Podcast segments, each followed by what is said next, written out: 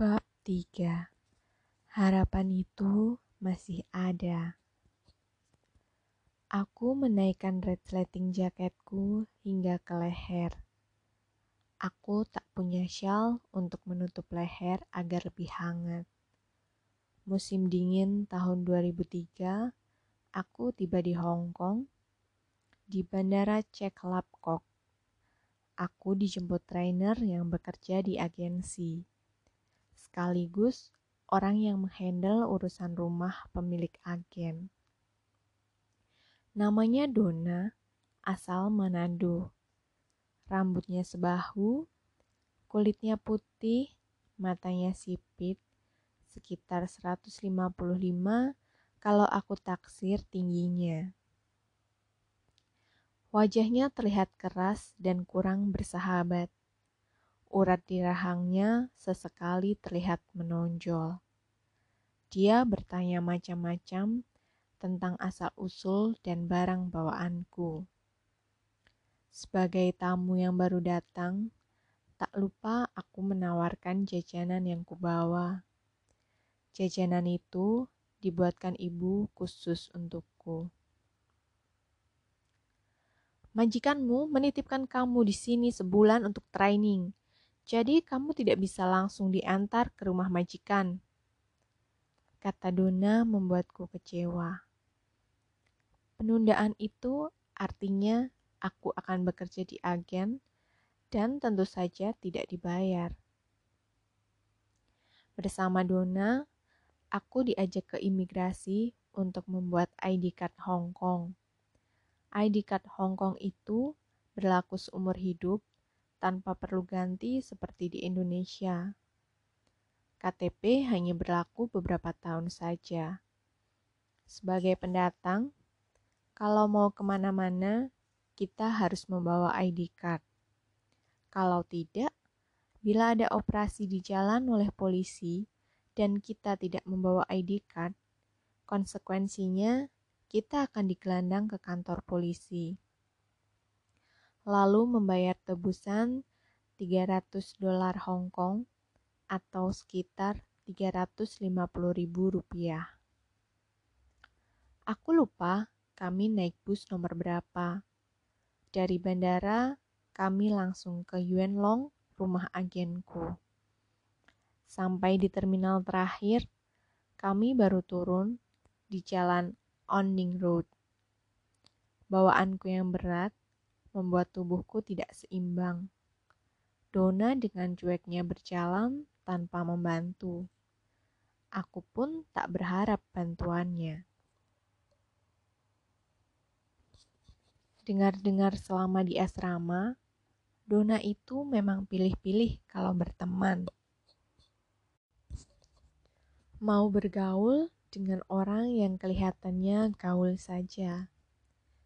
Dia juga cuek keras dengan TKW. Jadi, aku sudah siap dengan kemungkinan yang ada. Kami berbelok ke kanan, lurus terus melewati pasar-pasar dan mall. Lalu menyeberang rel kereta listrik. Masih berjalan lurus, sejalur dengan jalan ke pagoda, seperti di film Kerasakti. Kalau akan ke pagoda belok ke kanan, kami belok ke kiri. Dari situ, kami melewati lapangan basket besar di Hong Yip Street, lurus dan menyeberang jalan menuju ke Chung Yin, Chung Yip Road. Angin seperti sekawanan air es yang disiramkan ke wajah. Dingin menusuk-nusuk bagai jarum aku sempat bertanya kepada diriku, "Ini Hong Kong bukan sih?" Mataku terbelalak ketika Dona berbelok ke rumah yang di pagarnya tergantung baju-baju sedang dijemur. Seperti di daerah kumuh Jakarta yang pernah aku lihat di televisi. Bos agen yang kalau datang ke Indonesia berdandan bagai putri raja Ternyata rumahnya di Hong Kong seperti ini. Bos agen yang lagaknya bagai wanita sempurna minta dilayani seperti ratu, ternyata kamarnya hanya sepetak ukuran kontrakan tipe 21 ku. Di sana aku bertemu dengan teman-teman seasrama yang belum diambil majikannya. Aku diantarkan oleh Cindy ke rumah khusus untuk kami huni. Ini lebih parah lagi seperti rumah yang sudah roboh ditinggalkan penghuninya, dan kami harus berbagi dengan empat ekor anjing pula. Musim dingin, mandi bergantian tanpa air hangat. Sekali mandi, langsung tiga orang di dalam kamar mandi kecil seukuran kamar mandi yang ada di mall. Sepertinya kontrakanku lebih layak daripada rumah ini. Beberapa temanku memutuskan tidak mandi daripada mandi dan mati kedinginan. Ada-ada saja. Parahnya, aku mengikuti kalau sudah tidak kuat dinginnya. Perjuangan baru saja dimulai, Deo. Bertahanlah. Aku selalu menguatkan hatiku agar tidak menyerah. Kenyataannya, masih ada seribu cobaan lagi yang lebih parah. Pukul 05.00 pagi kami bangun, sholat dan langsung bergegas ke rumah agen. Dibagi per kelompok untuk bersih-bersih asrama dan rumah agen. Akan ditunjuk dua orang di antara kami untuk dibawa ke Wancai, kantor pusat yang mengurusi dokumen-dokumen kerja. Satu orang bertugas bersih-bersih dan membantu di kantor berlantai lima itu. Satu orang lagi berjaga-jaga di bawah menunggu mobil. Mobil sedan putih buatan Cina itu bukan sedan mewah. Mungkin mobil yang dibeli dengan harga second hand mengingat kondisi kehidupan pemilikan pemilik agen yang sederhana saja. Ini hari di mana aku dibawa ke kantor. Kami membawa bekal untuk makan siang. Bos agen tidak makan di luar, tapi berbagi makanan yang sama dengan kami. Aku diajari bagaimana cara membersihkan kantor, memakai vacuum cleaner, dan mengganti air akuarium. Jam makan siang, Aku berganti tempat dengan temanku yang belum makan. Aku berganti tugas menjaga mobil hingga malam hari pukul 21.00. Kenapa mobil harus dijaga dan tidak diparkir di tempat parkir? Sebab ternyata di sepanjang jalan itu ada mesin parkir otomatis. Kita harus memasukkan kartu Patadong, Octopus, kartu digital yang serbaguna. Bisa digunakan untuk membeli makanan di toko seperti 7-Eleven atau OK. Bisa untuk membayar ongkos bus. Bisa juga untuk membayar parkir. Satu jam parkir biasanya 50 dolar Hong Kong atau sekitar 60 ribu rupiah. Karena letaknya juga di jantung kota yang bersisian dengan Causeway Bay, semuanya serba mahal. Bos agenku yang pelit ini tidak rela membuang-buang uang hanya untuk membayar parkir.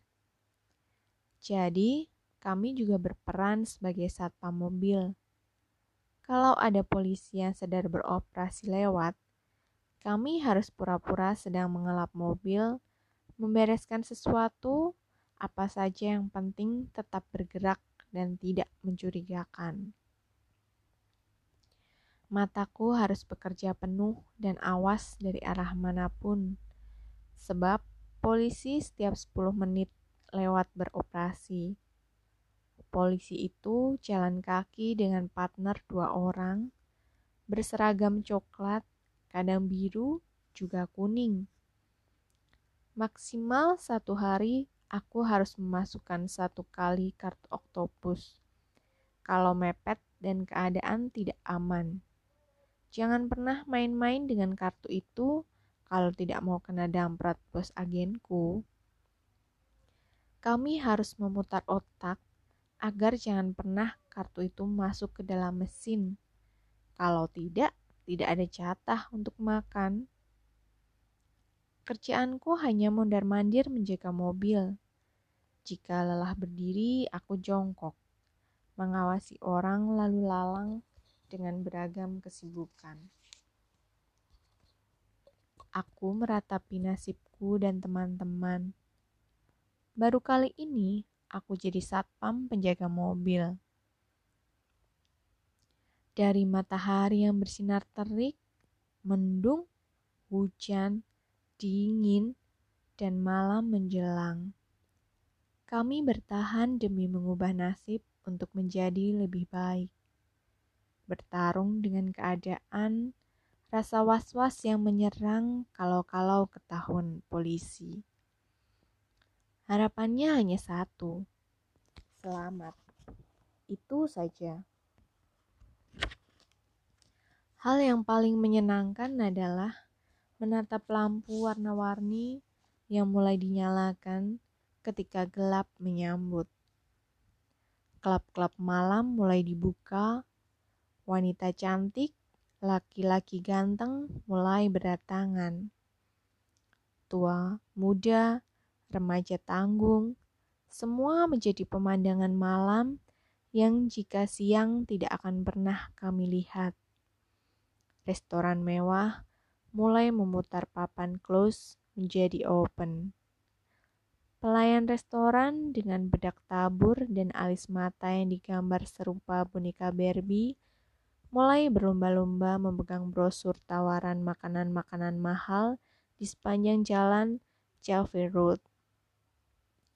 Kami menahan lapar untuk makan malam di rumah. Jarak antara Wan Chai sampai Yuan Long satu jam. Kami akan makan malam pada pukul 22.00.